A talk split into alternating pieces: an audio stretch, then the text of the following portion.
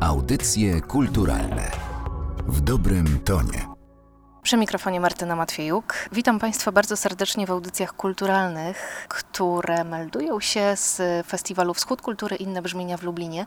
Tu zobaczą Państwo m.in. w Załuku Hartwigów wystawę Irena Jarosińska Portrety, o której to wystawie porozmawiam z kuratorką Emilią Kietlińską-Drost. Dzień dobry. Dzień dobry, witam Państwa. Irena Jarosińska powiedziała, że pismo obrazkowe to jest jej sposób opowiadania o świecie. Jak zaczęła się jej przygoda z fotografią?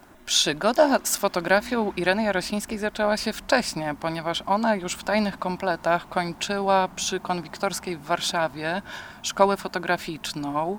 Następnie też w tajnych kompletach zorganizowanych przez Politechnikę Warszawską zaczęła studiować chemię. Studia przerwało Powstanie Warszawskie, ale tą chemię ukończyła na Uniwersytecie Warszawskim po wojnie, więc miała takie przygotowanie, uczyła się fotografii.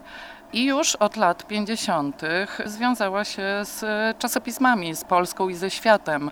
Pracowała też w Ministerstwie Rolnictwa, robiła fotografie PGR-ów, jeździła po Polsce, więc ona była od początku czynna, zawodowo, była od początku fotografką. Uznajemy ją za jedną z pierwszych kobiet fotoreporterek. No właśnie, bo dziś to się trochę zmienia, ale mhm. w tej rzeczywistości powojennej Polski kobiet, które profesjonalnie zajmowały się fotografią, praktycznie nie było. To była grupa kilku nazwisk, które chyba mogłybyśmy policzyć na palcach jednej ręki. Dokładnie, pokazywaliśmy przecież w Załuku i Zofię Rydet, i Zofię Chomentowską, która też e, komercyjnie pracowała e, na zleceniach. I jeśli chodzi o historię polskiej fotografii, to chyba tyle. To spróbujmy się przyjrzeć e, życiu prywatnemu Ireny Jarosińskiej, bo ona fotografowała, jeśli chodzi o portrety, no chyba największe nazwiska twórców kultury i sztuki swoich czasów. Na tych fotografiach zobaczą Państwo między innymi, jeśli chodzi o malarzy Starzewskiego czy Tchórzewskiego, Mrożka, Białoszewskiego czy Lema, jeśli chodzi o literatów. Dzięki czemu to było możliwe? Jak ona weszła do wnętrza tego świata artystycznego? Oprócz zleceń poruszyłyśmy temat zleceń komercyjnych. Pracowała jako fotoreporterka, ale ona brała czynny udział w życiu artystycznym Warszawy. Ona udokumentowała je, ale też czynnie brała w nim udział. To jest niesamowite. Jeśli chodzi o Irenę Jarosińską, jest to postać dość enigmatyczna, bo o jej życiu prywatnym wiemy dzięki wspomnieniom przyjaciół, i niestety te wspomnienia czasami wykluczają się mhm. wzajemnie. Wielu jej znajomych e, zawsze opowiadało o jej otwartości. Te portrety są świetne. Dlaczego są świetne? Ponieważ ona znała jeden sekret. Ona potrafiła fotografować ludzi, ponieważ wzbudzała ich zaufanie i to jest właśnie ten sekret. I to było też u Zofii Rydet, którą mhm. pokazywaliśmy, że te kobiety, właśnie fotografki, potrafiły sobie swój obiekt, że tak powiem, jakoś zaskarbić i dlatego te portrety są tak naturalne. Ona miała tą naturalność w sobie, dlatego zdjęcia pokazują też takie normalne, naturalne życie i osoby będące na tych zdjęciach. Była świetną też podglądaczką, y, przechodnie na ulicach. Niesamowita wrażliwość. Wspomniałaś też o tym szerokim wachlarzu zainteresowań twórczych y, mhm. Ireny Jarosińskiej. Mm, tutaj akurat zobaczył Państwo portrety, ale Jarosińska fotografowała też akty, fotografowała architekturę, oczywiście cały też ten y, wątek fotografii reportażowej, o mhm. której powiedziałaś. Dlaczego zdecydowałaś się właśnie na portrety? W czerwcu pokazaliśmy Irenę Jarosińską. Był to Lublin w 1954 roku.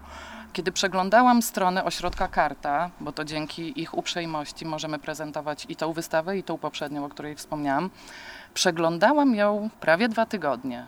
Dzień w dzień oglądając 40 tysięcy fotografii i kiedy zaczęły mi się pojawiać portrety, stwierdziłam, że to jest niesamowite, bo chyba nie ma drugiego fotografa, fotografki w historii polskiej fotografii, który sfotografowałby tyle ikon naszej kultury. Właśnie to chyba też dzięki temu, na pewno dzięki temu zaangażowaniu w życie artystyczne, dzięki temu, że prowadziła otwartą pracownię. Ta otwarta pracownia, jej znajomi wspominają huczne rauty, dyskusje i wystawy, które tam prezentowała ona też edukowała, była nauczycielką, uczyła młodych fotografów. Niezwykle barwna postać. Szkoda, że tak mało o niej wiemy.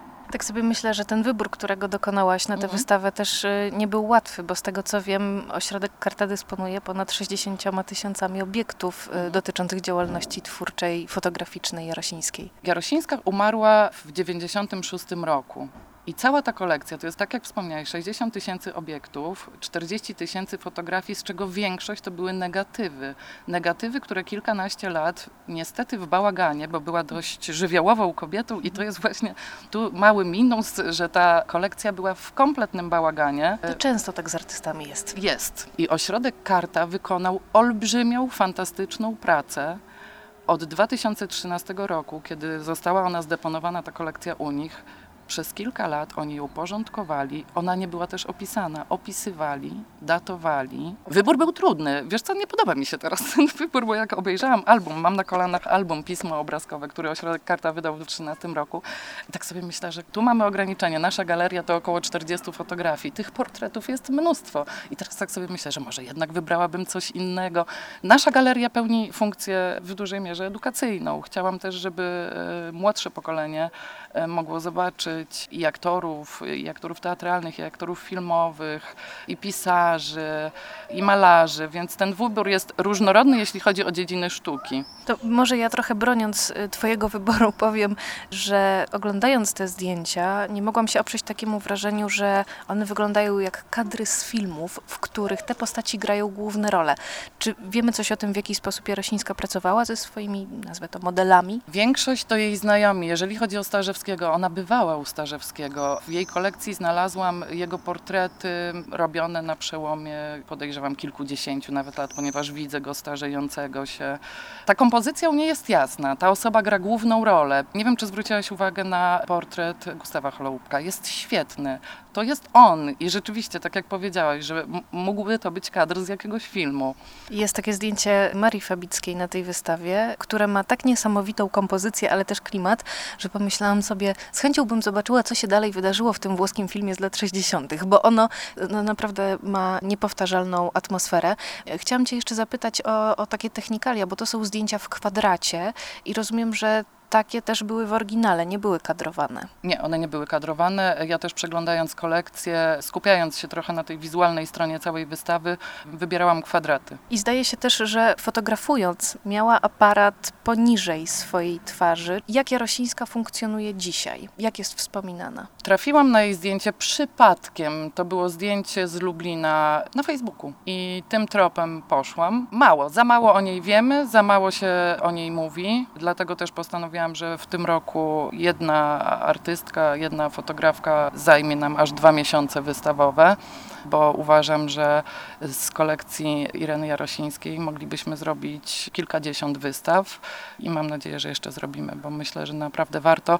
Fotografia była zawsze, tak jak wspominałeś, zdominowana przez mężczyzn, więc czemu nie? Tak jak wspomniałam, że trzymam na kolanach ten album Pismo Obrazkowe, to jest jedyna publikacja o Irenie Jarosińskiej, więc powinno się trochę więcej o niej mówić i więcej pokazywać. Z fotografiami Jarosińskiej mogą się Państwo y, zapoznać odwiedzając lubelski zaułek Hartwig Emilio, ja zapytam Cię jeszcze, co Ty dostrzegasz w jej fotografiach? Czym ona Cię ujmuje? Masz może jakieś ulubione zdjęcie z tej wystawy? Ulubione zdjęcie to portret mrożka, który kredą na drewnianym e, płocie coś rysuje. Emilia Kietlińska-Drost, kuratorka wystawy Irena Jarosińska Portrety gościła dziś w audycjach kulturalnych. Bardzo dziękuję. Dziękuję, do zobaczenia.